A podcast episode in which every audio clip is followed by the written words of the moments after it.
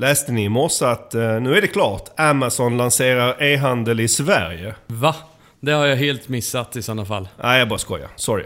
Jag, jag vet inte om hur många gånger jag har sett rubriker om att det är klart att Amazon ska lansera i Sverige. Nu var det väl senast förra veckan när de hade någon form av pressrelease för sitt datacenter. Ja, det har verkligen blivit som att skrika vargen kommer. Det, det kommer någon het artikel någon gång i veckan här. Ja, och när väl Amazon kommer till Sverige med sin e-handel, för det är ju väl sannolikt att de kommer att göra någon gång, då känns det som att man kanske inte ens kommer att tro på att det kommer att hända.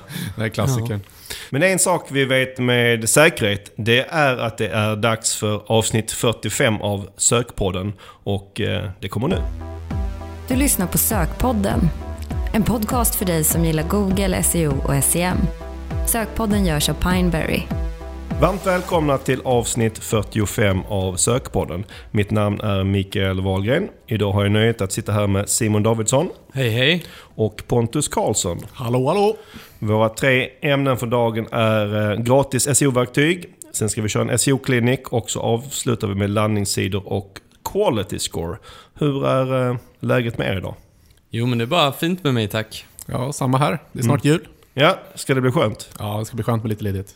Innan vi kör igång med dagens ämnen så läste jag en, eh, vad jag tycker i alla fall, det här är min typ av humor och rolig historia på Techcrunch här i förra veckan som jag tänkte dela med mig. Och det var att Google efter mycket om och men har lämnat över domänen duck.com till DuckDuckGo. Och bakgrunden var att Google på något sätt har kommit över den här domänen för en himla massa år sedan när de köpte något företag. Och så har de pekat den här domänen till sitt eget sök. Så Ja.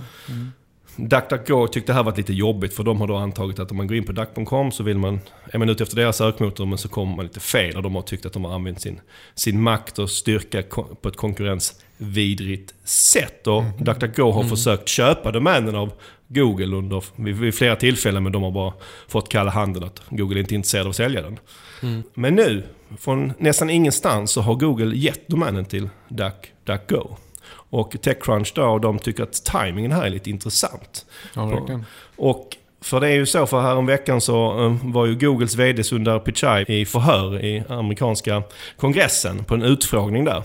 Och eh, de spekulerade då kring att de valde att bara släppa iväg domänen lite där innan så de skulle slippa frågor kring just det. För de fick ju ganska många, vad man kan tycka, jobbiga frågor. Huruvida detta är en tidningsanka eller inte, det låter jag dig som lyssnare själv avgöra. Men lite underhållande tyckte i alla fall att jag att det var. Det är ju alltid kul att spekulera lite också. Mm, Konspirationsteorier är härliga. det gillar vi. Men med det så kör vi igång dagens första ämne. Dagens första ämne är att vi ska prata lite om gratis SEO-verktyg. Och det är flera av er som hörde av sig till oss efter förra avsnittet då vi pratade om ARFs, som också är ett SEO-verktyg, som gillade det. Och en av er som hörde av er var, var Anders och han föreslog att vi skulle prata om gratis SEO-verktyg också vid något tillfälle. För det är ju så att ARFs kostar en hel del pengar. Och det var ju därför vi även efter förra avsnittet lottade ut några gratis abonnemang, eller testabonnemang. För vi vet att det inte är alla som har möjlighet att, att köra ARFs själv. Mm. Ja, men det var verkligen kul att det var så många som var med och tävlade, eller hur Simon? Ja, och stort grattis till er två som vann. Det Mm. fanns väldigt många bra motiveringar tycker jag. Ja, det var faktiskt många fler som var både intresserade och bättre motiveringar än, än när vi lottade ut den här PageRank-tavlan för ett, ett antal avsnitt sedan. Ja, det är möjligt att det är bara jag, men jag, jag gillar tavlan väldigt, väldigt mycket. Och jag är lite nördig så jag gillar den också mer än det här. faktiskt. Ja, precis. Jag hade hellre velat vinna tavlan. Men sen förstår jag samtidigt, vi, har ju, vi som sitter här har ju lyxen av att vi, vi använder ARFs i vardagen. Vi har ju liksom en byrå bakom oss som kan betala det så att vi kan använda det. Och medan många som lyssnar kanske inte har den möjligheten. Så, så därför ska vi prata om gratis SEO-verktyg idag också. Och tusen tack till Anders som eh, gav det här ämnet på förslag. Och för att avgränsa ämnet på något sätt så utgår vi från verktyg som är 100% gratis. Ja. Men visst är det så att vi har tagit med några som verktyg där vi använder gratisversionen men det finns en premiumversion? Ja, precis. Den eh, gränsdragningen vi har gjort för att för liksom, um, avgöra vilka som ska vara med. Att om vi själva här använder gratisversionen så är det med. Men är det så att vi använder betalversionen av verktyget, då har vi inte tagit med det. Ett exempel på det är ju Screaming Frog, som är ett av våra absoluta favoritverktyg. Eh, Men där använder vi betalversionen. Ja, eh, och Screaming Frog förtjänar ju egentligen precis som ARFs ett eget ämne. Det finns ju extremt många gratisverktyg för SEO, vilket är kul. Vi Verkligen. har inte möjlighet att ta upp alla här idag, men vi tar upp dem som vi själva använder. Mm. Eh, Vi har säkert missat några och sådär, men jag har frågat runt lite på alla som jobbar här, vilka, vilka vi använder, och så har vi sammanställt en, en liten lista över dem. Och vi kommer ju, i vårt inläggsavsnitt kommer vi länka till alla de här verktygen om ni vill gå- in och hitta dem på ett enkelt sätt. Och jag har varit lite tvivelaktig om vi verkligen ska länka till alla, men vi kommer tillbaka till det här senare i avsnittet. Här. Ja, det kan ju bli lite mycket länkar, men vi, vi gör så här för, för era lyssnares skull, det blir bäst för er. Kanske inte jättebra SEO, men det återkommer vi till. Vi kan Eh. väl också nämna att vi eh, kommer nämna de här utan inbördes ordning. Ja, precis. Det är inte så att vi tycker det ena verktyget nödvändigtvis bättre än det andra. Men vi börjar i änden med Google, för Google har själva ganska många verktyg, eh, vilket är på ett sätt är ganska bra. När man summerar, när man, jag tänker på det så här först och tänker att Google kan inte ha så mycket verktyg, men nu när man gör en sån här lista så inser man att de har väldigt många Ja, verktyg. men verkligen. Jag tycker det kommer något nytt som man knappt känner till varje månad i alla fall. Ja. Ja, verkligen. Och det, det första och största och mest givna att nämna i det här sammanhanget är ju Google Search Console. Och det är ju liksom, rent SEO-mässigt så står det väl i en klass för sig när det gäller Googles verktyg. Och kanske i en klass för sig när det gäller gratis SEO-verktyg rent allmänt. För att många SEO-verktyg som vi kommer att återkomma till har ju eh, de, de, de gör ju oftast kanske en endaste sak bara, många av dem. Medan Google Search Console är, kan hjälpa till på många, flera olika sätt. Ja, och där har vi allt från liksom indexering till hämta som Google och alla de här kanske givna verktygen som vi använder dagligen i princip. Mm. Men vi tänker inte dyka allt för djupt i Google Search Console, för det har vi faktiskt redan gjort. Så är ni någon som är intresserad av det så ska, tycker jag ni ska lyssna på avsnitt 13 där vi gick igenom våra favoritfunktioner i, i Google Search Console. Så vi går vidare. Vi fortsätter med Google-verktyg. En sak som, ett verktyg som vi heller inte kan undgå att nämna, men som kanske, kanske inte alla förknippar med SEO på samma sätt, är ju Google Analytics. Ja, för det här är det andra verktyget som man kanske använder dagligen tillsammans med Google Search Console. Ja, det använder ju alla som jobbar med SEO i princip varje dag. Förhoppningsvis i alla fall. Ja, så det är ju någonting som är, är kanske självklart.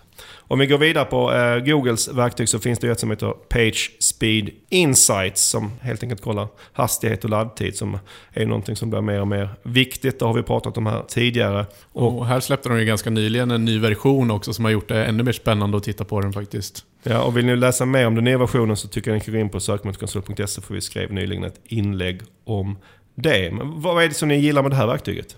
Ja, men det är ju att det är väldigt konkreta åtgärder som man kan kolla på just kring PageSpeed. Det är väldigt mycket teknik, Mm. alltså, men, men just eh, PageSpeed är ju väldigt mycket teknik. Så Mm. att just att man både tittar på Mobile, Desktop, man har lite olika vinklar och det är ganska enkelt för någon att förstå i grunden. Men ganska svårt att applicera tekniskt. Ja, och det jag gillar med det är att även om jag kan inte alltid förstå det, det tekniska som kommer fram där så kan jag skicka det till en utvecklare som förstår och kan säga det här kan vi göra, det här kan vi inte göra.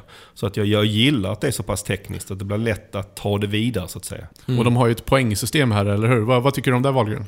Ja, man ska väl ta det med en nypa salt. Jag har läst ganska många artiklar faktiskt om att man inte alls ska bry sig om det. Men på något sätt så jobbar man i vår bransch så vill man ändå bry sig om det. Och nu i- efter senaste uppdateringen så gick de ju ännu hårdare åt det mobila betyget. Så nu är det ju väldigt, väldigt svårt att få ett, ett högt mobilt betyg. Eller det är i alla fall betydligt svårare. Precis. Jag tycker ändå att det ger en väldigt bra indikator eh, Mm. på hur det ser ut på sajten. Och det kan också vara intressant om man kör sin egen sajt att kanske ta till dina närmsta konkurrenters sajter och titta även på dem. Mm. Men som ett exempel, jag tror när innan de gjorde uppdateringen, nu kommer jag inte ihåg siffrorna rätt så jag, det här kanske jag skarvar en del. Men säg att vi gick från en mobilpoäng från 75 till 55.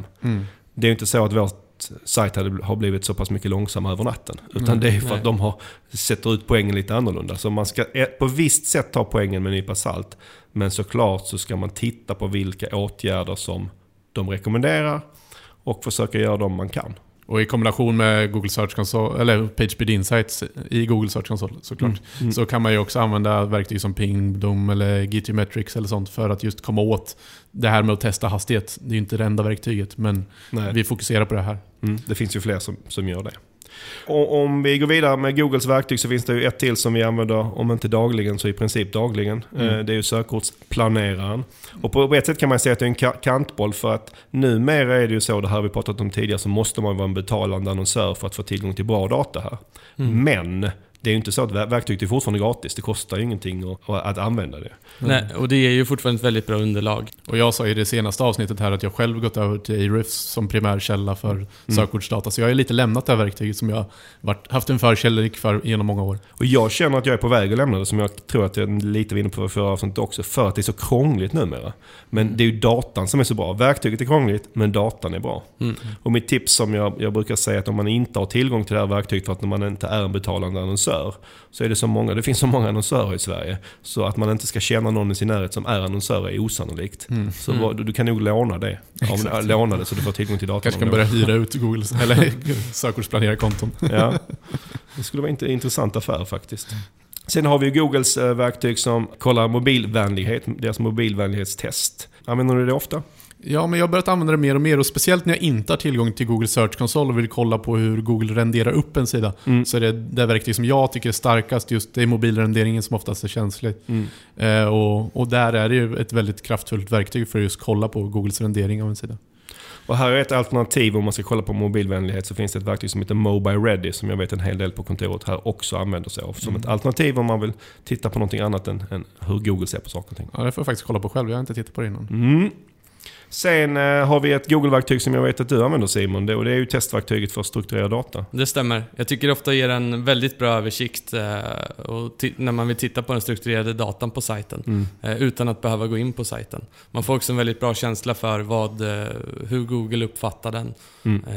Och om man använder strukturerad data på rätt sätt. Det är skönt, om man inte, det är skönt att slippa gå in och rota runt i koden för, för att hitta. Och det kan oftast vara ganska små, små misstag som Mm. de enkelt hittar som man själv knappt kan se även om du kan den strukturerade datan. Så det, de klarar många olika standarder så det är väldigt skönt. Ja, man sparar en hel del tid där. Om vi går vidare till eh, plugins, för det finns ju till exempel till Chrome så eh, finns det ganska många trevliga plugins som kan hjälpa en i SEO-arbete. Och om vi fortsätter på Google-spåret så, så är det ju ett Google-plugin som heter Lighthouse eh, som eh, jag vet att det är ganska många här som använder. Jag har använt det delvis från och till. Eh, Det sägs att det blivit väldigt mycket bättre så jag har provat att installera det nu. Jag använder inte dock så mycket än så Mm. länge men, men eh, det är ju Googles SEO slash eh, PageSpeed-verktyg egentligen. Och den kollar ju då delvis på PageSpeed eh, men den kan också ge en- del enkla förslag till, till andra SEO-förbättringar så att säga. Mm.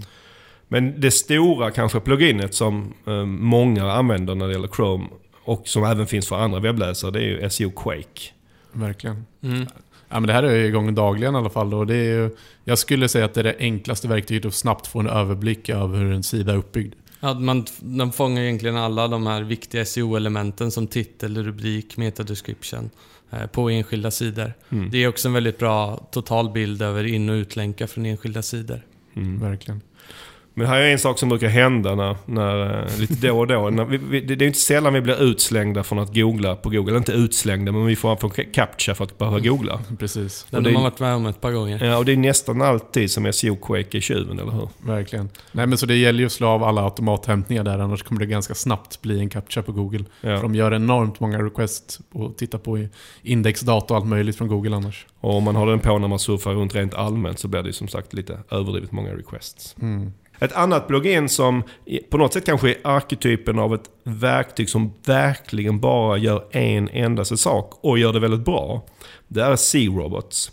Och eh, den indikerar på en sida vad som är angivet i metarobotstaggen. Till exempel om det är index och follow eller om det är no index, no follow och så vidare. Ja, och det är superhärligt. Den ger bara den här härliga gröna färgen som säger att den är index förhoppningsvis. Ja. Om man vill det. Eller röd om den är no index. Ja. Väldigt simpel som du säger.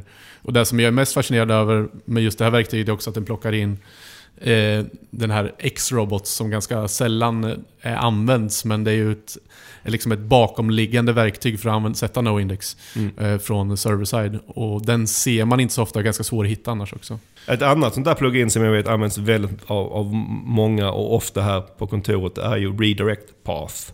Vad, använder ni det till? Ja, men det är ju främst för att se statuskoder på enskilda sidor. Mm. Eh, och för att se om man har pekat om eh, en sida korrekt till exempel. Ja. Och man kan också se lite andra saker som kanske inte man tänker är så vanliga. Men till exempel en sida som borde svara, men ibland testar vi eh, för att skapa, alltså forcera fram en 404 för att säga att de har en korrekt 404-sida.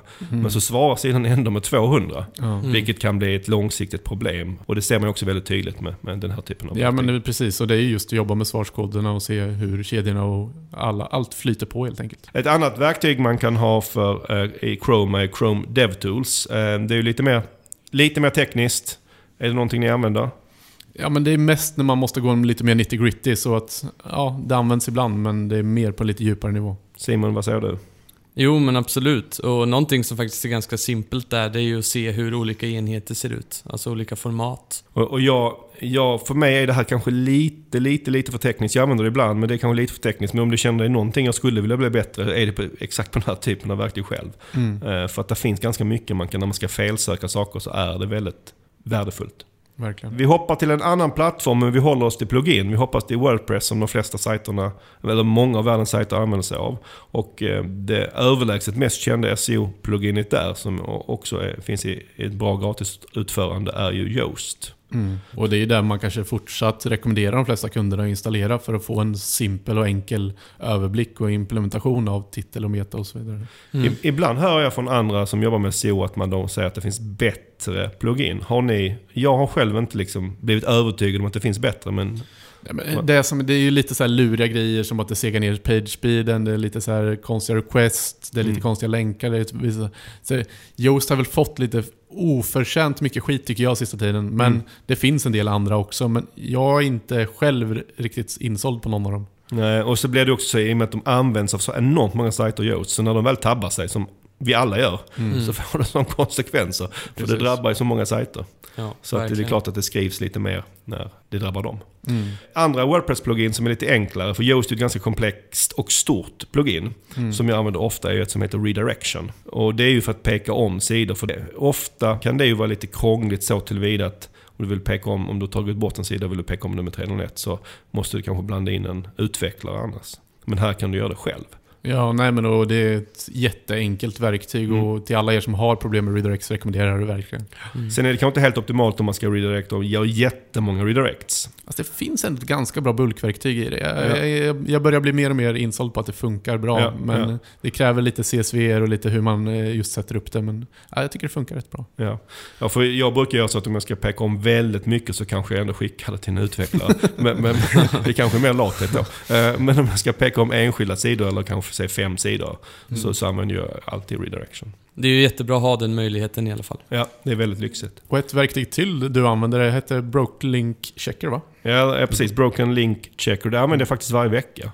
Jag använder inte så mycket på pineberry.com. Jag använder väldigt mycket på sökmotorkonsult.se. För där har vi i princip, jag skulle säga, det snittar ungefär en länk per vecka. Som en utlänk vi har som eh, har slutat fungera, som 404. Och det vill man ju inte ha i onödan. Liksom. Efter ett år blir det ju 50 länkar. Liksom. Så Ja, det blir ganska mycket länkar som skjuter ut i onödan. Och ibland är det en tillfälligt problem, men ofta är det liksom att den här sajten inte finns längre. Eller man har tagit, de har tagit bort inlägget vi har länkat till av någon anledning. Mm. Så, och, och det här får du ju väl upp som en väldigt enkel notis. Som man går in och kollar. Är det så att den inte finns längre, ja, då kan man väldigt med en knapptryck på avlänka det. Och det här finns ju oftast i många CMS, som man, förutom då Wordpress med det här Mm. pluginet, som man kan kolla på sina brutna länkar. Mm. Och just följa upp vad som blir 404 och så vidare också. Så det kan vara smart. Eh, Nu lämnar vi plugin eh, och går till ett, ett annat verktyg som heter Answer the Public. Vad använder ni det till? Ja, men det är ju ett väldigt bra sätt att eh, hitta sökord. Eller hur Simon? Absolut. Eh, Jag tycker också att det är väldigt smidigt när det gäller att få inspiration till innehåll på en sida. Mm. Alltså vilka frågor är det jag ska besvara i samband med det här sökordet. Mm. Eh, Alltså vad, hur, vem och så vidare. Och det här verktyget ger en väldigt bra bild över det här. Mm. Eh, För att sökordet står i centrum och man har söktermerna runt omkring. Mm. Så att, väldigt bildligt. Ja, ja men verkligen. Det visualiseringen för en kund blir väldigt konkret ofta så att man, man ser väldigt enkelt. Så om du som användare ska skriva en artikel om ett specifikt sökord, prova att lägga in det där så ser du en ganska bra bild av vad du bör skriva om i det här sammanhanget. Ja, för jag, ja, för jag känner ju så att oftast kan jag inte hitta sökorden där, utan sökorden har jag någon annanstans ifrån. Sen går jag dit för att liksom hitta kanske tail på det här sökordet, varianter på det. Men framförallt som ni är inne på att så kanske vi säger till en, eh, vi skulle gärna vilja ha en, en lite längre text här. Och så känner man, oj vad ska jag skriva om kring på det här ämnet? Jag vet inte vad jag ska skriva om.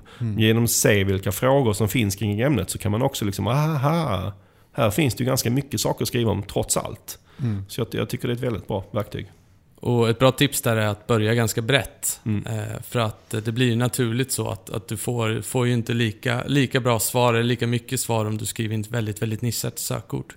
Så försök gå ganska brett till en början där.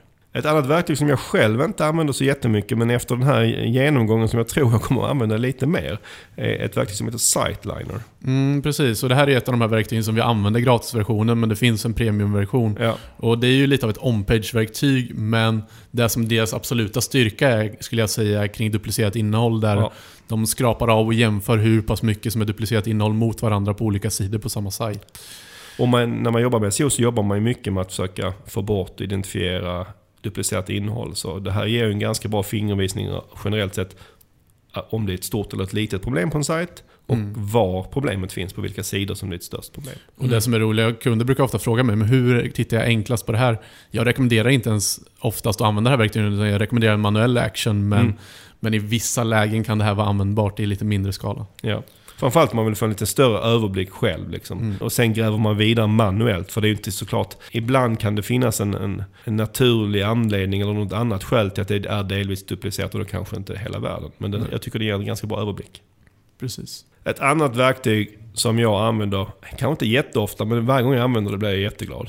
Och, och det är ju Wayback Machine. Och det är ju ett jättebra verktyg om man vill titta på hur en... Eh, vi säger att du ska köpa en domän till exempel. Du vill titta på vad som fanns innehållsmässigt på och hur den såg ut Ja. innan du köper den.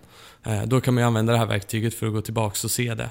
I- Senast igår var jag inne och kollade och såg att det var en, en, en, en sajt som har haft liksom tre olika liv. Alltså det här blir som en- någon... Reincarnation då. Ja, precis. Det blir som dagens eh, historieböcker eller sådär. Man kan titta tillbaka hur det var.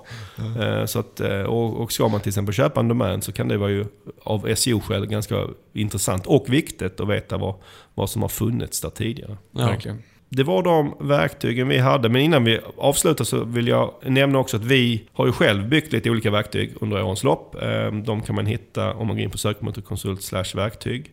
Och om man tittar på vad som har varit mest populärt så är det ju vårt egna OnPage-verktyg. Det har snart använts en halv miljon gånger. Det är ju helt ofattbart mycket.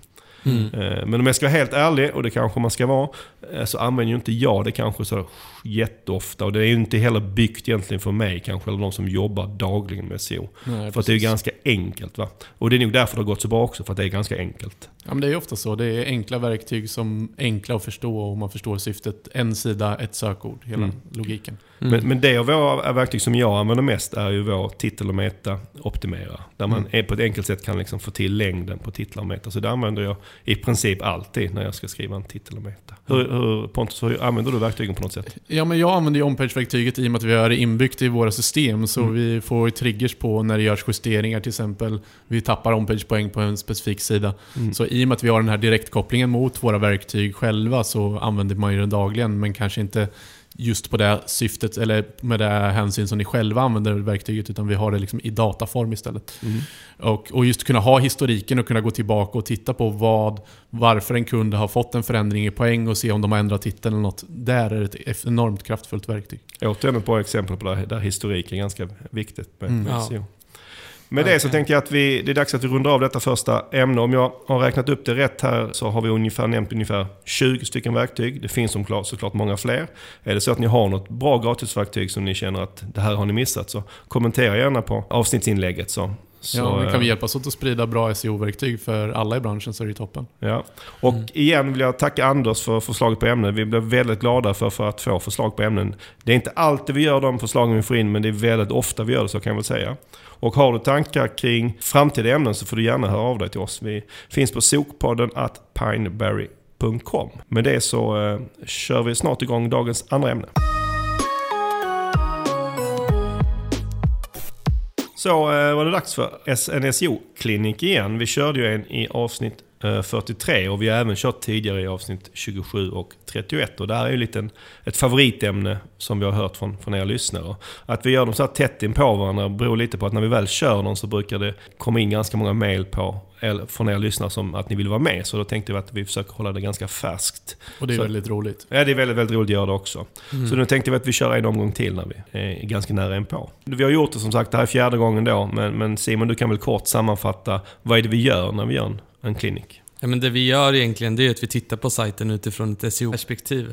Eh, och tittar på vilka möjligheter och problem som finns på respektive sajt. Eh, man skulle kunna se det lite som en minianalys. Eh, vi har ju bara lagt en kort stund per person och sajt, så det är ju på inget sätt en fullständig analys av Nej. sajten.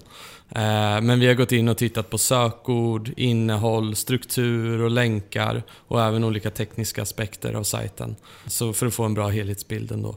Och sen det värt att påpeka också, det här är en klinik, vi tar främst upp problem som, som finns på sajterna. Mm. Och många av sajterna har gjort väldigt mycket bra, men det är, det är inte det vi lägger fokus på här. Så att om man upplever att man har mycket problem på på sin sajt så är det för att vi just fokuserar på problem här. Man ska förhoppningsvis ta det på rätt sätt. Verkligen. Vi börjar med första sajten och det är en, en sajt som heter ilovebags.se som är inskickad av Josef. Tack för det Josef. Och det här är en nystartad e-handlare.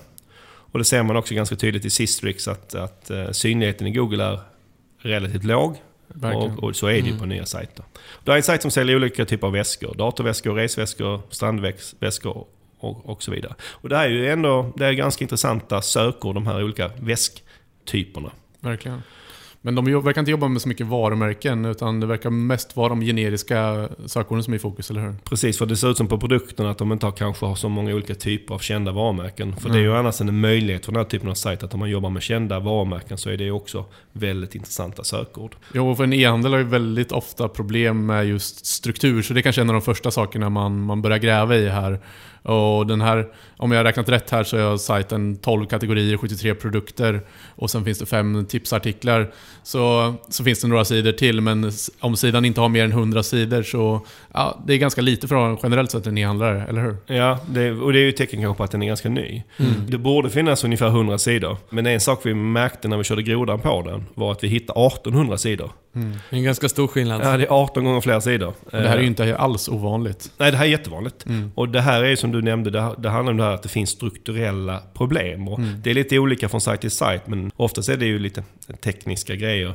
Här handlar det i det här fallet om lite fi- filtreringsproblematik. En annan, annan sak som står ut här är att de jobbar med taggsidor. Mm. Och taggsidor generellt sett är ju ett gissel när det är SEO. Ja men verkligen. Teoretiskt sett borde det inte behöva vara det, men det är i princip i praktiken blir det alltid ett problem. Ja. För att, för att taggsidor ska fungera så måste man ha unikt innehåll på sidorna och det har man i princip aldrig. Så därför ska man nästan hålla sig borta ifrån det. Nej, Och taggsidor är oftast en typ av kategorisidor som man kanske tyvärr oftast använder samma sökord på som kategorisidorna. Mm. Och så har man inget unikt innehåll vilket gör att man ganska ofta har just två sidor för samma sökord egentligen. Man kan ju lösa det här med att sätta no-index på taggsidorna men ofta kan jag tycka att den bästa lösningen tar dem överhuvudtaget. Ja men verkligen. Mm. En an- någonting annat som vi noterade där var ju att man har dubbla sidor för vissa huvudkategorier. Mm. Eh, till exempel för plånböcker, eh, där man har en kategorisida för plånböcker och sen så har man en underkategorisida som heter alla plånböcker. Ja. Eh, och där får man ju två sidor då som konkurrerar om att synas på samma sökord. Och det här är någonting som jag har strulat ganska mycket med, även med stora e-handlare. För oftast beror det här på, nu är jag inte, så kan jag inte säkerställa i det här fallet, men att man har en sida som ska synas i den här med mobilmenyn. Eh, där man ska kunna klicka på och ta sig till alla. Men man behöver ju inte skapa två kategorier, utan det gäller ju bara att ha två länkar. En som går till liksom, kategorinivån och en som går till... Man behöver inte ha två olika kategorier för det, för att ha samma syfte. Mm. Och det är alltid bra övning att tänka efter själv. Vilket sökord ska den här sidan eh, ranka på? Mm. Och om man då upplever att man har två sidor som egentligen går mot samma sökord så då, då kan man ju fundera på, behövs verkligen båda de här sidorna? Och då, tänk, då är det egentligen både för SEO och för användaren. För varför ska man ha två sidor om samma sak? Det blir ju inte så bra. Nej, och i det här fallet så hade man ju heller inte innehåll eller produkter på en av sidorna. Mm. En detalj som jag såg här som är ganska vanlig, och det gäller framförallt på startsidor, det är att ibland kan det vara svårt att välja sökord till just startsidor, framförallt på en e-handel. Så du tänker att då klämmer man in liksom lite allt möjligt som man tycker att man är bra på, och som man kanske också är bra på. I det här fallet så är titeln på startsidan Köp weekendbags, resväskor, kabinväskor och andra resetillbehör. Mm. Och problemet här är ju att Google ser ju oftast så här att en sida på en sajt kan vara bra på en sak. Mm. Så man får ju liksom hitta ett sökord, kanske ens viktigaste produkt. Det är ju oftast den, eller den, den, den saken man verkligen, som står ut. Liksom. Ja, och här ska, skapar de väl intern konkurrens på tre sökord åtminstone.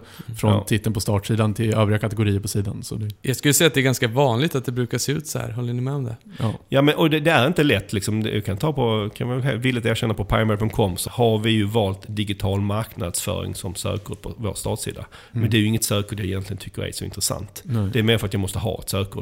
Mm. Det är inget jag jobbar aktivt på något sätt för.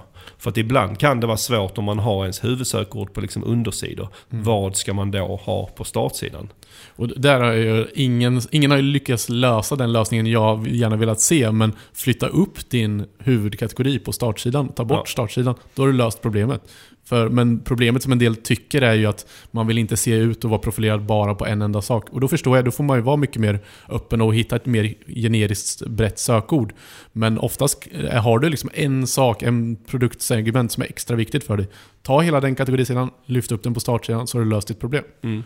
Om man skulle ta i vårt fall så har jag ju funderat på den tanken. Men då känner jag att jag skulle säga att vi skulle välja SEO-orden, för där är mest sökvolym. Då tar man ju dem på startsidan. Men då blir det lite som att vi framställer som att vi bara jobbar med SEO. Ja. Och vi jobbar ju väl, lika mycket med Google Ads och vi jobbar väldigt mycket med Facebook också. Så det, det blir ju lite av en problematik. Mm. Som inte är jättelätt att lösa. Men ibland kan man ju hitta liksom ett övergripande ändå sökord.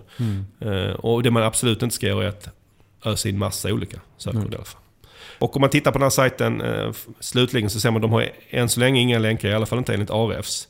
Så för att summera så är det en ganska ny sajt som har en del tekniska utmaningar och, och behöver lite mer sidor och innehåll och framförallt länkar. Men det är inte så konstigt om man är ny heller. Så att Nej, precis. det är bara att önska Josef lycka till. Ja, verkligen. Ja, stort lycka till där med ditt fortsatta SEO-arbete. Så går vi vidare till nästa sajt och det är induo.com som är inskickad av Ulf. Tack för det Ulf. Och de här, den här sajten säljer kommunikationslösningar, till exempel 4G-modem. Men som jag uppfattar det så är ju inte den primära kundgruppen kanske vanliga dödliga, utan det kanske är lite mer professionella köpare eller företag. Ni uppfattar det också så, eller hur? Ja, men precis. Ja, Och tittar man här i Sistrix så ser det ju väldigt bra ut. Ja, Alltså det är de- imponerande case faktiskt. Alltså de har väldigt bra synlighet.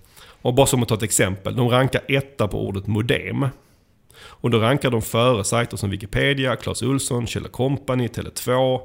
Och liksom för att vara någon där ganska smal, kallade business to business sajt, så är det här ganska strångt. Ja, det är Ja. imponerande att vara med och slåss med BTC-bolagen och verkligen kunna ta sig in där på viktigt stora sökord. Mm. Sen är det ju en utmaning i sig när man jobbar i ett segment där det finns eh, B2C. Om man är själv i B2B och men man konkurrerar med samma sökord eh, som de som jobbar med B2C. För de har oftast större muskler och, och, och liksom mer, mer potential att kunna kanske synas. Men här har den här sajten verkligen lyckats att konkurrera ut dem. Ja, och någonting som man gjort väldigt bra genomgående tycker jag är att man jobbat med väldigt mycket innehåll på sina sidor. Ja. Verkligen. Och unikt innehåll framförallt. Och det, det, nu är jag inte expert på det här området men det känns ju också som att det är väldigt bra och relevant innehåll när jag läser det. Så att, Nej, men det svåra som du säger någonstans är ju att han är inne i ett B2C-segment. Han får väl förmodligen väldigt mycket BTC-trafik. ja. Mm. Fast de är en Sannolikt. B2B-aktör. Och det är skitsvårt för business-to-business-aktörer att hitta helt rätt här. Men gratistrafik är man ju alltid glad över. Precis, och de har, bra, de har bra med länkar för den här typen av sajt. De har ungefär 200 länkar domäner så det ser så bra ut. Så det egentligen var egentligen, och det är lite kul för många av de som skickar in sin sajt, där kan vi ganska enkelt hitta ganska många saker som vi tycker är problematiska. Här var det inte lika lätt, men vi hittar några saker. Jag vet att du hittar en sak Pontus. Ja, precis. Nej, men eh, det som var intressant är ju just när man skapar det här med intern... Eller skapar en massa bra landningssidor så är det lätt att skapa intern konkurrens om man säger så. Så tittar du på till exempel 4G-router eh, så kan man se att det finns några olika artiklar. Till exempel eh, 4G-router med simkort, checklista, 4G-router extern antenninstallation. Som är två eh, så här, artiklar som egentligen rankar 4 och 5 på det här sökordet. Fast de också har en kategori som kanske är den som i drömvärlden ska ranka på det här. Det vill säga en produktkategori. För oftast vill du att själva produktkategorin ska vara det starkaste på sökorden som är väldigt så generiska. Medan mer specifika sökningar som till exempel kring installation, då vill du att den här artikeln ska ranka. Och det blir ju ganska ofta ett problem när man skapar mer innehåll på artikelsidorna än på kategorisidorna. Ja. Hur tycker du man ska lösa det? Ja, men det är ju skit, skitsvårt för att någonstans kan man jobba med internlänkar från de här sidorna till produktkategorin. Men i grund och botten handlar det ju om att produktkategorin är den som ska ha bäst innehåll Ja. i förhållandevis till artiklarna. Man kan ju också tänka sig för att man kanske inte ska använda det sökordet i titeln och sådär. Fast ibland kan det vara svårt också för om man vill, det känner jag själv på vår blogg, liksom, att vill man promota en artikel så ska jag inte få använda ordet SEO i titeln. Ja, och, och exakt. Man kan ju plocka bort det, men problemet är om det finns long tail, vi säger liksom eh, 4G-router extern antenn. Mm. Då vill du ju kunna synas med den här artikeln på den sökningen, men du vill inte att den ska internt konkurrera med 4G-router kategorisidan. Alltså det är, inte, det är inte alltid jättelätt att lösa men det är bra att tänka på det och kanske säkerställa att man alltid internlänkar Mm. eh, på, på rätt sätt. Och du hittar en annan sak, eller hur Wahlgren, kring pagespeeden? Ja precis, för det har vi pratat lite om innan PageSpeed att numera är ju, sen uppdatering så är de ju ganska hårda på mobilen. Och eh, om man kollar på den här sajten då så fick den 11 av 100 poäng. Och nu ska jag säga att om, man skulle, om jag skulle testa just, det här var för några dagar sedan jag testade. Skulle jag testa nu igen så fick, hade de kanske fått en annan poäng för det kan, det kan ändra sig ganska mycket. Men om man har 11 poäng så även om Google är ganska hårda numera så är 11 poäng ganska lågt. Mm. Så där finns säkerligen några saker man skulle kunna göra. Kanske inte få upp den till 100, men man kan få upp den en bit i alla fall. Absolut. På, på vägen. En annan lite mindre sak som eh, vi också såg var ju Mm. att cirka 10% av titlarna är för långa på sajten. Mm. Eh, och det som händer då är ju att, eh, vi, ja, att de bryts helt enkelt i sökresultatet. Ja, det ser inte så trevligt ut alltid. Ja, och vi riskerar ju att kanske vårt viktiga sökord inte, inte kommer med och inte presenteras. Mm. Så det kan ju vara en bra grej att se över de här 10% av titlarna och fixa till dem så att de blir lite kortare och Ja. håller sig inom ramen där. Men jag måste ändå säga totalt sett en, en sajt som har kommit väldigt långt när det SEO. Nu kommer jag, inte, jag kommer inte ihåg alla vi gjort klinik på, men jag kan inte komma på någon på rak arm som jag känner har kommit längre. Så att, Nej, inte jag heller. Nej. så att eh, det, det är strångt jobbat. Då går vi vidare till eh, nästa sajt. Och det är decisivebeachwear.com. Inskickad av Jonathan. Eh, tack för det Jonathan. Och det här är också en eh, ny sajt. Eh, säljer badbyxor. Finns bara på engelska. Mm. Vad, vad känner vi inför det? Ja, men det är oftast en utmaning eh, just när det gäller ja, men en nystartad sajt som ska ge sig in på en specifik marknad. Och vi uppskattar att det här kanske är den amerikanska marknaden som man fokuserar på här. Men eh, just att ge sig in på så stor marknad med ett nischat varumärke och försöka synas på ett stort sökord som ja, men, badbyxor vill säga på engelska. Eh, så blir det ju en väldigt stor utmaning, eller vad säger du Simon? Ja, verkligen. Konkurrensen är ju så otroligt mycket högre. Eh, och eh, på alla sätt. Det, det är så många som vill, vill synas där. Ja. Så att eh, vi har ju en rad utmaningar vi står inför i sådana fall. Ja, och vill man synas på andra marknader så handlar det om att man måste ha den på andra språk. Det är ju såklart en investering i sig, men, men som det är det på, har man en sajt på engelska så är det ju i princip omöjligt att, att synas i, i Sverige och, och på andra marknader. Och här tycker jag att många brands gör fel i att de ska ha sajterna på engelska. Jag ser stora svenska brands som fortsatt lanserar nya marknader med innehåll på engelska. Mm. Så här, någonstans måste man förstå att både användarna och Google förespråkar lokalt innehåll. Mm. Mm. Och jag tycker att många borde investera mer i det för att både stärka SEO men andra aspekter också. Och den här sajten har ju en utmaning till i att de har liksom sju produkter bara. För de, Mm. de har liksom sina egna badbyxor. Då gör ju också att man kan inte kanske riktigt dra de stora fördelarna som normalt e-handlare har. Att man kan jobba, man har ett stort utbud, man har många kategorier och kategorierna är oftast väldigt bra sökord.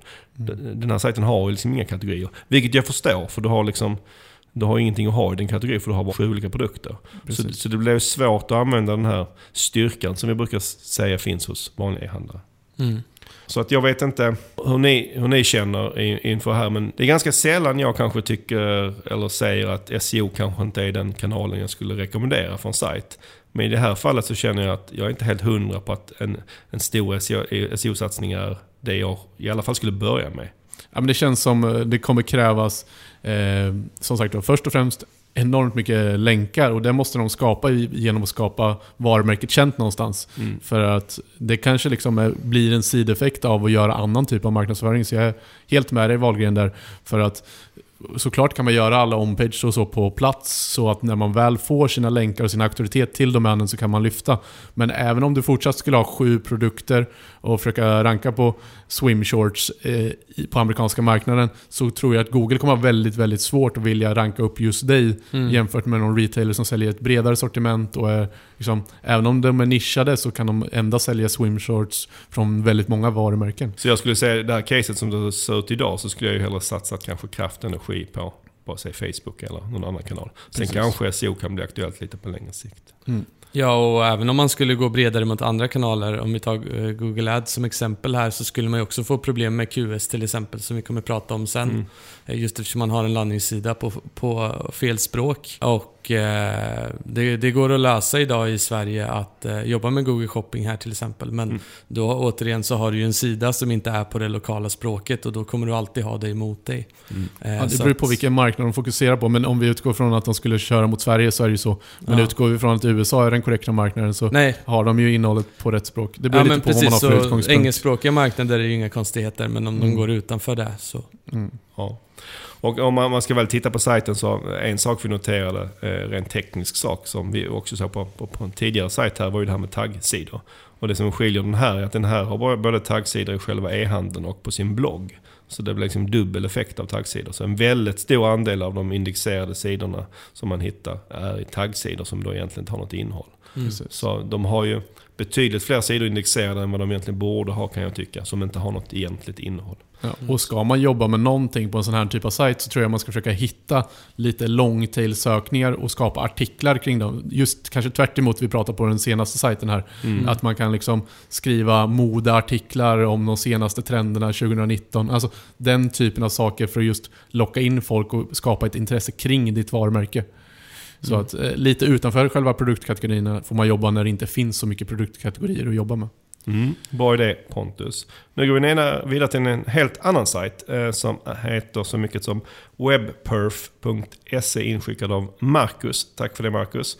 Och det är som sagt en helt annan typ av sajt. Den är i och för sig också ganska nystartad.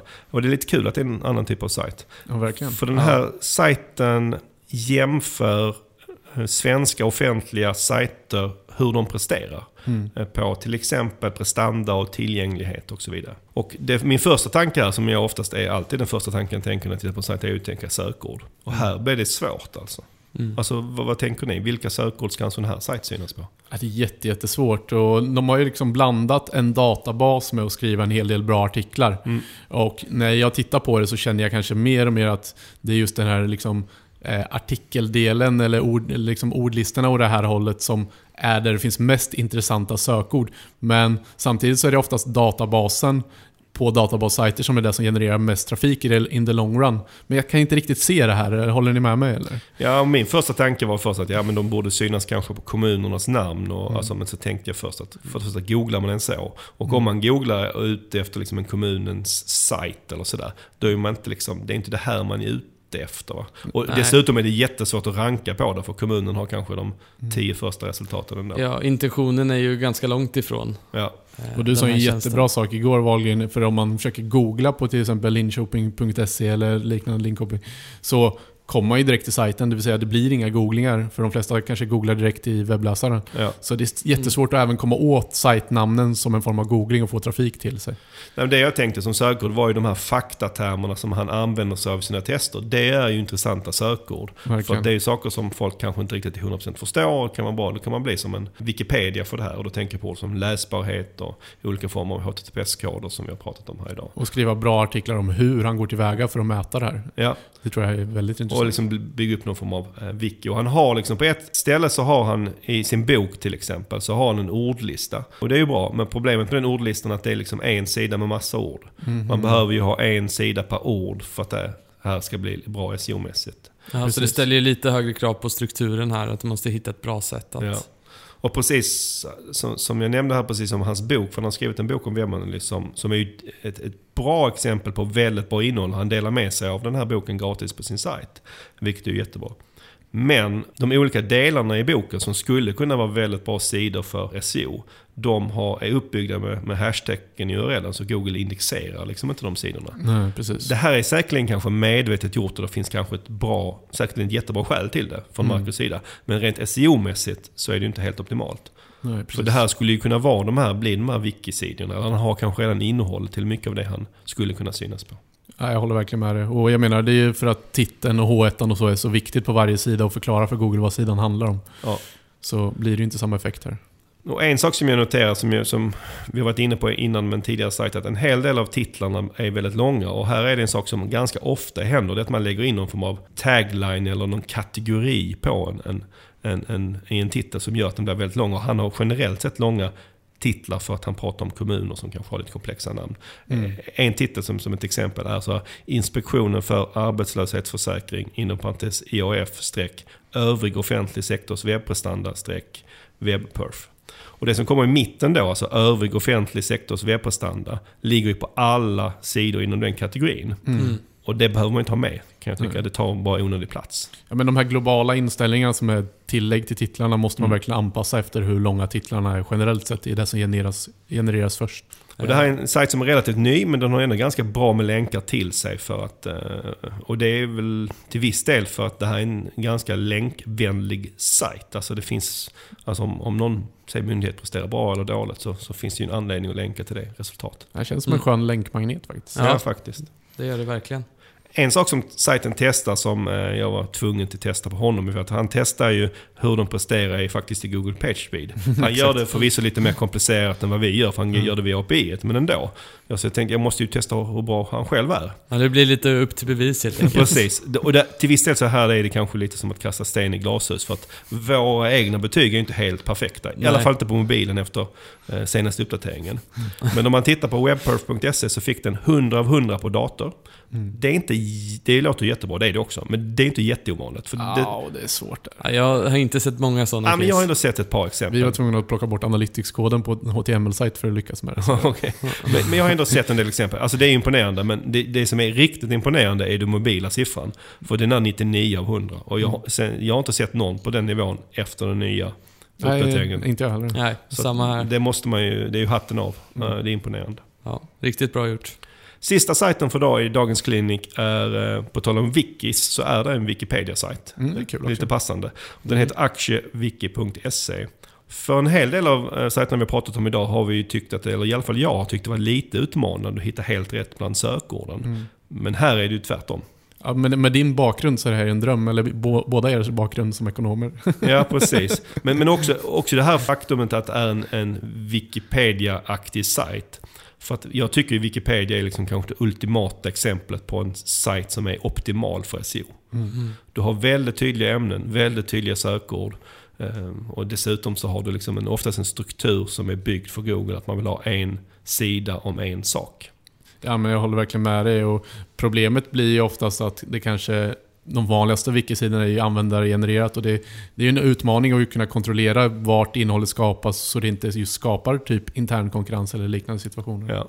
Och utmaningen med, med wikisidor skulle jag säga, det har ju inte med SEO att göra. För det är, där är en stor potential. Utan det är mer sådär rent finansiellt. Alltså hur ska man tjäna pengar på en wikisida? Det är liksom, till och med Wikipedia har ju lite utmaningar kring det. Så det säger man ju när man är inne på Wikipedia så är det inte sällan de ber om donationer. Vilket jag tycker de är värda. Men det är ju inte jättelätt att hitta kanske affärscaset alltid. Nej. Nej. Eh, Men SEO-caset finns där ju utan att, att, att, tveka. På- På tal om det, eh, på tal om att det är en finanssajt. Känner ni till begreppet eh, ROSE eller ROCE? Nej, jag är lost. Nej, jag är inte heller bekant med det faktiskt. Eh, Jag, jag tror jag kommer, om jag ska, det här vet jag inte om det är en efterhandskonstruktion, men jag tror jag kommer ihåg det från skolan faktiskt. Det, det är ett engelskt begrepp för, som, för return on capital employed, avkastning på sysselsatt kapital på, på svenska. Och anledningen till att jag tar upp det här är att när jag kollar på sajten så har de faktiskt fyra sidor som är indexerade för det här begreppet.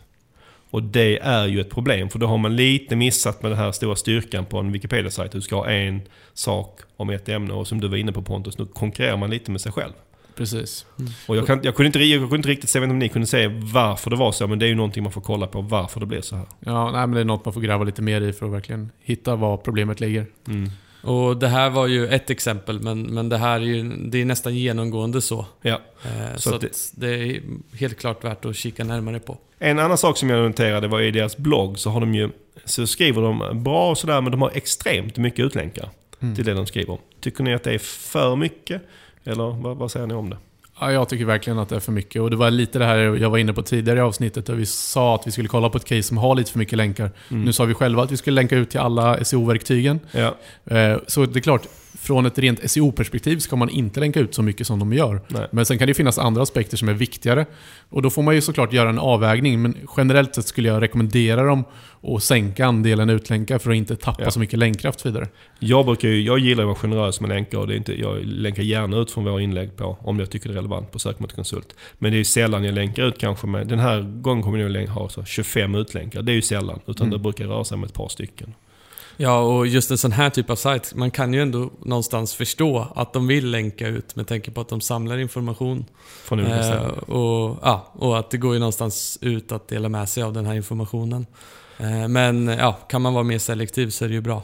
Och en sak som jag märkte här är att väldigt många av de här länkarna de länkar ut till svarar med 404. Mm. Och jag hittade ungefär 150 sådana stycken. Och det är inte så ovanligt om man har skrivit under lång tid. Det är samma sak jag nämnde när jag pratade om att vi använder broken link checker ganska mycket på sökmotorkonsult. Mm. Att eh, artiklar och sånt som man har länkat till- försvinner. Så där borde de ju ha, en, en, ha någon rutin att de kör igenom. För att det är ett ganska enkelt sätt att minska utlänkandet. Precis. Att ta bort de länkarna som inte funkar. Det är både bra SEO-mässigt och, och för Användare. användarna. Liksom. Mm. Eh, Och om man har varit väldigt generös just med utlänkningen eh, på enskilda sidor så eh, tycker jag att man varit mer försiktig med internlänkningen. Eh, med all rätt skulle jag säga. För det känns som man har skött den på ett väldigt snyggt sätt där man har internlänkat ungefär 30 sidor från sin startsida. Mm. Och det känns också som man har valt ut kanske de nyckelbegreppen som, som det söks mest efter eller som någonstans är centrala. Eh, och eh, någonting annat man har gjort väldigt bra tycker jag kring just internlänkningen är att man eh, i innehållet på, på enskilda sidor när man på, under årsredovisning nämner balansräkningen så länkar man från den sidan till sidan för balansräkning. Mm. Så även utifrån den aspekten så har man lyckats väldigt bra just med, med internlänkningen. Och där de kanske kan jobba lite mer på, på andra sidan istället, det är ju att de har gjort en jättebra struktur, de har bra med innehåll, de har lite intern konkurrens som de måste lösa, men vad vi kan se så har de bara nio länkande domäner till sig än så länge. Mm. Och ingen, ingen jättestark länkprofil. Och det är ju en utmaning för en sån här sajt eh, som är lite mer nischad. Wikipedia har ju redan fått sin auktoritet av användarna. Man är van vid att kunna länka dit. Men att starta upp en ny wikisida som verkligen ska få den här credden och sen få länkarna. Det är ju en utmaning i det här segmentet, eller vad tror ni? Jo, så är det ju. Och, det är ju det också som är kanske är nyckeln. För att om man lyckas bli den här auktoriteten på området när det gäller i alla fall då, svenska ekonomi, finanstermer. Om man är liksom källan för det. Då kommer ju re- länkarna regna in. Och då kommer rankingen Det också. kommer rankingen också. Men det är att komma dit, liksom, Mm. att bygga upp det. Att man är källan för det som är utmaningen. Då. Mm. Där finns väl inget enkelt recept på det. Men, men, men en grund är ju att ha ett riktigt bra innehåll kring de här grejerna. För att det är, det, det är där Wikipedia har lyckats. Att på väldigt många ämnen så har de väldigt bra innehåll. Ja, men Mm. verkligen. Och då blir de till slut trovärdiga. Mm, helt klart. Då eh, är vi klar med dagens SEO-klinik. Tack till alla som har hört av er med sajter. Det är jättekul. Eh, det finns några till på vår lista, så vi hann inte med alla idag. Och är det så att ni vill vara med på nästa, när vi kör nästa klinik nästa gång, så hör gärna av er. Sokpodden.pimer.com så lägger vi er på listan. Och eh, nu är det hög tid för dagens sista ämne. Ska avsluta idag och prata lite om Google Ads. Vi ska prata om landningssidor och quality score. Det finns ju väldigt mycket som är intressant och viktigt med landningssidor. Eh, till exempel konvertering och så vidare. Men idag så, för att inte göra det här ämnet hur långt som helst, så begränsar vi oss till landningssidor och just quality score. Nej precis, annars är risken att det här ämnet skulle ta upp eh, hela poddavsnittet och det vill vi ju inte. Nej. Och det finns ju en helig, eller jag ser det som en helig treenighet när det gäller eh, quality score. Det är liksom, du har den förväntade CTR'n, du har annonsens relevans och så har du landningssidans relevans. Och det finns ju liksom inga riktiga officiella siffror på hur viktiga de här är i förhållande till varandra. Men, men, men oftast kan man se det som att de är ungefär en tredjedel var typ. Det finns ju andra faktorer också men man kan lite övergripande se det som att de, de är de tre stora bitarna, tårtbitarna, hur man ska lyckas då. När ni jobbar med, med Google Ads, upplever ni att den här tårtbiten som handlar om landningssidan, får den lika mycket QS-kärlek som de andra två bitarna? Alltså, det är svårt att säga. Jag har ju inte mätt det riktigt, eh, Mm. hur mycket tid jag lägger på varje. Eh, Men det man kan säga om just landningssidor är ju att eh, vi kan påverka det såklart, men Mm. vi går inte aktivt själva in och ändrar. Eh, vilket gör ju att för oss handlar det väldigt mycket om att ta fram ett väldigt bra underlag och göra rätt prioriteringar. För att det är sen upp till kunden och göra de här förändringarna. Precis, så att de i sin tur ska kunna göra de här faktiska förändringarna. Och det finns ju oftast många hinder på kundsidan som man just måste ta med sig in i det hela och i hela strategin som vi kommer in på. För det är ju annars en av de stora sakerna som jag tycker är där Google Ads är bättre att jobba med SEO. För att på många viktiga delar på Google Ads så kan man göra allting själv som konsult. Och, och när det gäller Quality Score så kan du göra två delar kanske till 100% själv eller styra över det mer. Mm. Minst på landningssidan så, så får man själv ge lite kärlek men det krävs också att det är en hel del kärlek från kunden och att de har möjlighet och, och, tid och sådär. Det- Jag, jag förstår att de har annat på sin agenda också. Så det är lite samma, just när det gäller landningssidan så har man lite samma utmaning som när det gäller SEO. Att man måste få genomfört sina rekommenderade förändringar. Eh, Så det gör det lite speciellt. Och här går ju just SEM och SEO väldigt mycket hand i hand. Mm. Som sagt var, så när man sitter som liksom konsult så gäller det ju att implementera mycket saker SEO-mässigt för att också få med sig SEM på ett effektivt sätt. Och där måste vi försöka fundera på hur man arbetar bäst tillsammans mellan en SEO-are och en SEM-are för att just skapa alla landningssidor för både SEO och SEM. Mm. Ja. Här är det ju faktiskt så att SEM kan vara ett, ett perfekt redskap för att identifiera vart man även bör lägga mer krut SEO-mässigt. Ja. Så ofta så finns det många synergier här. Om vi tänker då på upplevelse av målsidan som Google definierade som. Hur jobbar ni med den eh, datan som ni får fram där? Ja, men någonstans så måste man ju börja med att identifiera vilka sökord eh, det är som man har, har en låg QS på. Mm. Alltså helt enkelt, vad är problemet? Mm. Eh, och sen eh, titta just på upplevelsen av målsidan. För det här är ju en parameter som Google delar med sig av. Mm. Så du kan ju titta på den specifikt. Ja. Och då kan du titta på om du ligger över medel, eller om du ligger på medel, eller om du har under medel, som Google kallar det. Och det här är ju liksom en tregradig skala till skillnad mot just quality score. Så det är rätt intressant att de har just gjort en tregradig skala som kallar under, medel eller över Ja. genomsnittet. Och det ger ju en väldigt tydlig signal någonstans om vad Google faktiskt tycker om din landningssida. Alltså de, de sökord där du har en dålig quality score och där du har under medel på, på landningssidan. Det är ju de som du sannolikt, där har du sannolikt pro- problem med, ju- just, med just landningssidan. det är där man ska börja. Mm. Vad gör du om, om du inser att det är så? Det finns ju egentligen tre, tre alternativ, eller tre vägar att gå här. Först så skulle jag ju titta på om eh, det är så att vi använder rätt landningssida. Ja. Det kan ju faktiskt vara så att det finns en annan eh, landningssida på sajten, befintlig landningssida, som eh, passar bättre. Eh, och ett sätt att göra det här är ju en så kallad sajtsökning. Alltså att man gör en sökning på sin egen domän på Google genom att sätta site kolon sin egen domän eh, och sen sökordet som man vill synas på. Eh, och då kan det ju finnas en, eh, en sida som passar bättre. Och om man är en liten sajt så har man kanske koll på det i huvudet vilka sidor man har. Men har man stora sajter så kanske det ibland finns sidor som man inte riktigt är medveten om. Som, Ja, som och- kan vara guldkorn i det här arbetet. Och vi har Ja. varit inne på det här med intern konkurrens innan. Här kan det vara skönt med intern konkurrens från Ja. ett SEM, SEM-vinkel, att man kanske har fler sidor att välja mellan. Men Ja. för SEO-aren så är det ju en mardröm. Ja. Ja. Eh, nej, så att eh, det är det första jag skulle göra. Och ser jag att eh, det inte finns en, en sida som är bättre eh, så hade jag ju tittat på hur jag kan, antingen då om jag behöver förändra den befintliga sidan Mm. eller om jag helt enkelt behöver bygga en helt ny landningssida för det här. Ja. Eh, och eh, om jag ska förbättra den så gäller det att titta på de här klassiska SEO-elementen. Som till exempel titeln, din rubrik och, och innehållet överlag på sidan. Mm. Eh, för det är ju så att eh, vill vi få en bra relevans så måste ju sidan vi eh, jobba med vara optimerad mot det här ordet. Och där kommer vi just in på de här synergierna mellan SEO och SEM. Ja, för där går det ju ganska mycket hand i hand. Google Ads är inte lika stenhårda som kanske eh, den organiska algoritmen. Men, men har du gjort en bra SEO-optimerad sida så räcker den ju långt. Ja, eh, Google och- Ads-mässigt. Och här får vi inte heller glömma laddningstiden. Eh, och vi har ju faktiskt haft eh, fall där vi har fått annonserna underkända på grund av att sajten laddar för dåligt. Ja. Eh, och det visar ju också någonstans hur otroligt viktig, viktigt det är med just laddningstiden för Google.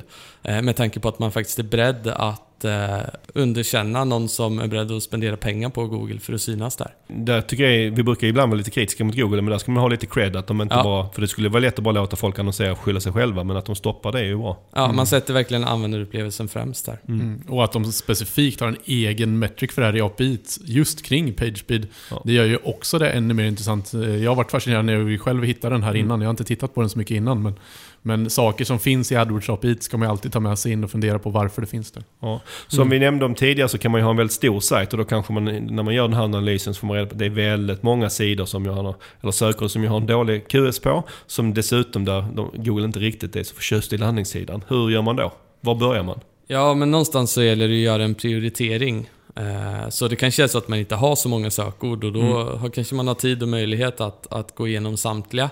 Eh, Men annars så skulle jag göra någon typ av prioritering på sidan. Alltså kanske börja med att gå in på sökordsnivå och titta vilka sökord eh, är viktigast för mig utifrån eh, var jag köper mest trafik eller kanske ännu bättre utifrån vilka sökord som konverterar. Eh, Och faktiskt börja lägga mitt fokus där. Det här med landningssidor är ju lite olika utmanande beroende på vilken typ av sajt det är. Det, det brukar skilja ganska mycket för e-handlare och tjänsteföretag. Vem har det enklast där? Oh shit. Jag skulle säga att de har båda väldigt Mm. olika utmaningar. Men jag menar, e-handlare har ju oftast både kategorier och underkategorier som motsvarar deras produktsegment. Ja. Vilket gör det ganska simpelt, motsvarar sökorden. Deras utmaningar där kanske mer handlar om att det finns flera ord för en och samma sak, vilket vi kommer in på här sen. Men för en, eh, för en tjänstebolag så tycker jag deras största utmaning är oftast att de inte har specifika sidor för sina specifika tjänster. Vilket jag tycker är synd både från ett SEO och ett SEM-perspektiv egentligen. Ja, för där är det kanske vanligt att man kallar sin tjänst en sak, men det är inte så folk googlar. Jag tycker det vanligaste är att de skriver tjänster och så har man en jättelång sida som är jättedålig från ett SEO och Ja. ett SEM-perspektiv. Istället för att ha en specifik sida för varje tjänst. Ja, och där är det ju lite bättre på e-handlare för de har ju väldigt ofta sitt kategoriträd som är oftast är väldigt bra landningssidor, även om det såklart finns utmaningar med, med det också. Precis, så ska vi kanske generalisera det här lite Mm. så, så skulle man väl ändå kunna summera det som att e-handlare kanske får lite mer gratis där än vad, vad du som B2B-företag får. Alltså, det krävs att du tänker till ytterligare en gång just det här med tjänster och så vidare. Ja, fast det beror helt på hur sajterna ser ut. Alltså jag har sett e-handel, det- jag generaliserar, jag håller med dig. Ja, men grovt. men om det, det, liksom så här, det finns tjänstebolag som gör det jättebra, det finns e-handlare som gör Mm. det jättedåligt. Så det finns båda aspekterna. Och vi har ju haft i kliniken här innan så har vi haft, eh, vissa av de sajterna haft utmaningar utifrån det här perspektivet. Ja. Både e-handlare och andra typer av sajter. En möjlighet som finns när det gäller landningssidor för Google Ads, det är att man kan lägga dem utanför strukturen. Alltså de behöver ju inte vara en del av den vanliga sajten. Utan man kan bara lägga dem helt separat. Det finns ju liksom inget krav från Google Ads att, att man ska kunna klicka sig fram till de här sidorna från startsidan. Utan man kan ju lägga dem på princip var som helst. Ja. De behöver inte ens vara indexerbara. Nej. Är detta en bra idé tycker ni? Nej, alltså jag, jag förespråkar ju att man helst ska undvika det här i, Mm. st- i så stor grad som möjligt. Vad är problemet med att, att göra så? Jag tycker någonstans eh, att det handlar att man lägger energin lite på fel saker. Eh, Jag tycker att eh, att man ska lägga energin på, på sin befintliga sajt. Mm. För väldigt ofta så kan man göra väldigt mycket där. Mm. Eh, Men, men sen finns det, jag håller, jag håller helt med, jag tycker man ska... För oftast finns det en anledning till att den här sajten, eller sidan borde finnas på sajten ändå. Så att man borde tänka om kanske sin sajtstruktur från början. Verkligen. Men det finns ju några exempel där man kanske ändå gör så här eller behöver göra så. Eh, Och när skulle ni säga att det är de vanligaste exemplen på när det, när det blir så? Men om vi ska ta ett eh, par exempel här så... eh, Ett, ett case skulle kunna vara om, om du är en ganska stor organisation, ett ganska stort företag. Ja. Det är kanske ganska många personer inblandade, det är många som tycker och tänker kring sajten och hur man ska kommunicera på sajten. Det brukar bli så i stora företag. Ja, exakt. Och där kan det ju vara, ja men dels så, så kan det ju ta mycket längre tid innan eh, besluten tas. Och då skulle ju de här eh, landningssidorna, Som specifika eller De som ligger utanför sajten. de som ligger utanför sajten kanske vara ett snabbare sätt Ja. eh, att få till sidorna. Mm. Då skulle det ju vara ett väldigt bra alternativ. Eh, ett annat skulle kunna vara till exempel om du eh, jobbar med produkter som fasas ut på ett eller annat sätt, men som Ja. det fortfarande söks på. Då kanske du ändå skulle vilja driva in trafiken där. Men du kanske inte skulle vilja visa upp det på sajten direkt. Nej, och där, där kan jag tycka att det är ett jättebra exempel på att ha en sån sida. När man inte vill kanske visa upp det bland sina produkter eller tjänster. För den, det är inte det ens, ens flagg skeppsprodukt inom det här området längre. Nej. Men har man en lite äldre som det finns sökvolym på så behöver man ha kvar den landningssidan. Ja, men ta någon av de gamla iPhone-modellerna. Du, du säljer fortfarande bara de nya modellerna, men du kan tänka dig att vilja ha bra quality score när du driver in sidan på iPhone 3 eller någonting. Då Ja. måste du ha en sida som handlar om det här. Den vill du inte att ska, någon ska kunna hitta på sajten. Och du kanske i slutändan försöker sälja den nyaste iPhone X Ja. på den här sajten. Så på så sätt kan man jobba runt eh, saker som man inte vågar ha i intern menystrukturen, men ändå kunna driva försäljning på andra typer av produkter. Sen kan man ju också vilja ha det här av policy-skäl. Mm. Och när kan det hända? Ja men det är väldigt vanligt inom eh, till exempel eh, apotek, medicin, den typen av ja, men, eh, läkemedelsrelaterade eh, branscher, Mm. sökord.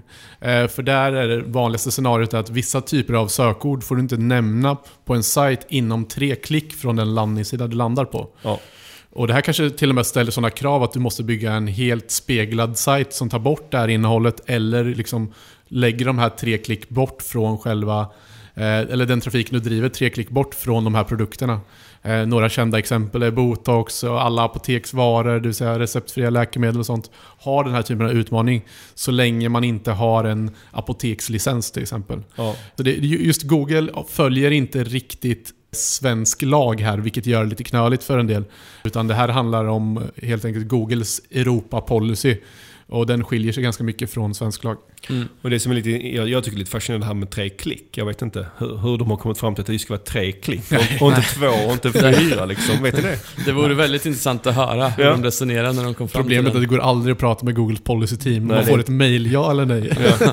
Och de här tre klicken, vet, vet du det Pontus? Är det någonting som mäts maskinellt eller gör, görs det en manuell bedömning? Det finns båda situationerna. I första steget möts, mäts det ju automatiskt. Mm. Vilket gör att det är oftast då man åker dit. Men sen för att komma tillbaka eller få bort den här typen av policyvarning Mm. så görs det en manuell check. Ja. Säger de i alla fall. Men det är Ja. som Google, ni vet. Ett fjärde exempel på när man kan vilja ha sådana separata landningssidor är ju kanske om man har synonymer som man eh, vill, vill synas på. Och det har jag faktiskt ett exempel från oss själva på pineberry.com. Vi valde för eh, något år sedan att vi ville få upp vår QS på landningssidorna. Som vi, eller vi upplevde på att vissa sökord hade vi ett liten QS-problematik. Eller vi ville få upp den. Vi liksom hade kanske medel-QS och ville maxa den.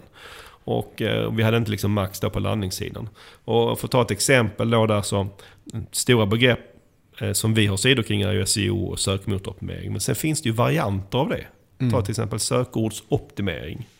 Ja, och den fick, då liksom, där fick vi ju lite sämre QS. Så då tänkte vi att vi bygger liksom landningssidor för de här specifikt. Och de vill vi ju inte ha vår, vi, i vår, bland våra tjänstesidor vill vi inte ha en för SEO och sen en för sökordsoptimering. Det blir också lite konstigt. Det finns väldigt många härliga varianter. Sökordsoptimering, sökoptimering. Exakt. Många har härliga varianter på det där. Ja, men det är ju lik, lite likadant om man pratar Google Ads, man pratar SEM och man pratar PPC och ja, det går att fortsätta.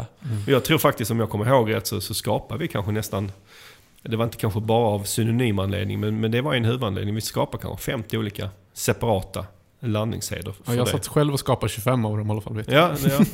När du har tittat på det här nu i efterhand, vad har du fått för... Vad har vi sett för effekt där på Alltså, det, alltså, på ett sätt var det, det var ju lite svårt för att i och med att det var då synonymer så får du inte så jättemycket data heller. Det finns ju inte så mycket sökningar. Så det är ju ett, ett av problemen där. Men min, Mm. min, min känsla var att det funkar inte sådär jättebra. Och du, du, du skapar en del andra praktiska problem. För liksom vi, en, del saker vi lär oss eh, när det kanske gäller konvertering, att vissa saker funkar bättre än andra. Mm. Och så vill man ändra det på sina viktiga sidor när man har dragit sig den här slutsatsen. Har man då 50 sidor man ska ändra det på, då måste du antingen ha ett väldigt bra system för det, eller så blir det manuellt väldigt jobbigt. Mm. I vårt fall var det manuellt väldigt jobbigt. precis. Vi hade 50 sidor i Wordpress som skulle uppdateras till samma Ja, och då, då, då blir det liksom, så vet man att det är inte så mycket trafik som ändå går på de sidorna, så blir det inte riktigt av att man gör det. Så det som har hänt nu är att vi har behållit kanske några av landningssidorna som ändå vi tyckte det, det funkar bra på, men majoriteten har vi liksom tagit bort. Mm. Och det här tycker jag upplever hos kunder också, att det, det är jobbigt i organisationer att ha för mycket sidor. Så så länge man har tid, gör det gärna, men tänk att ni ska ha tid att uppdatera dem också. Ja. Mm. Så att det kanske inte var det smartaste att börja med 50, utan vi kanske skulle börja med 5. Det hade varit bättre. Lite överambitiöst. Ta det lite stegvis där helt Ja. enkelt, det är väl en bra slutsats. Med det exemplet så tycker jag att det är en bra tidpunkt att runda av eh, dagens avsnitt. Då går årets sista sökpodden mot sitt slut. Ska ni eh, göra något speciellt i jul? Nej, det blir en, blir en ganska lugn jul med familjen faktiskt. Jag kommer ta en liten roadtrip ner till både Östgötaslätten och Västgötaslätten. Så det blir mycket bilåkande för mig. Det är väl så det ska vara under julen. Lite lugnt och mycket familj. Ja, exakt. Ja, och för mig är det samma sak. Mycket, mycket bilåkande, många att besöka och förhoppningsvis trycka in lite längdskidåkning också. Jag hoppas, det är ju, nu här i Stockholm så det, har det kommit en del snö, så jag hoppas att det ser ut som att snön kommer att vara kvar. Det tycker jag, för mig är det en väldigt viktig ingrediens för att det ska bli en bra jul. Så det ser ut att bli en vit jul, det är jag väldigt glad över. Vi hoppas såklart att alla ni som lyssnar också får en fantastisk jul. Tusen tack för att ni har hängt med oss under 2018. Vi är tillbaka på andra sidan årsskiftet. Jag hoppas att vi eh, hörs då. God jul på er! Tack och hej, hej då!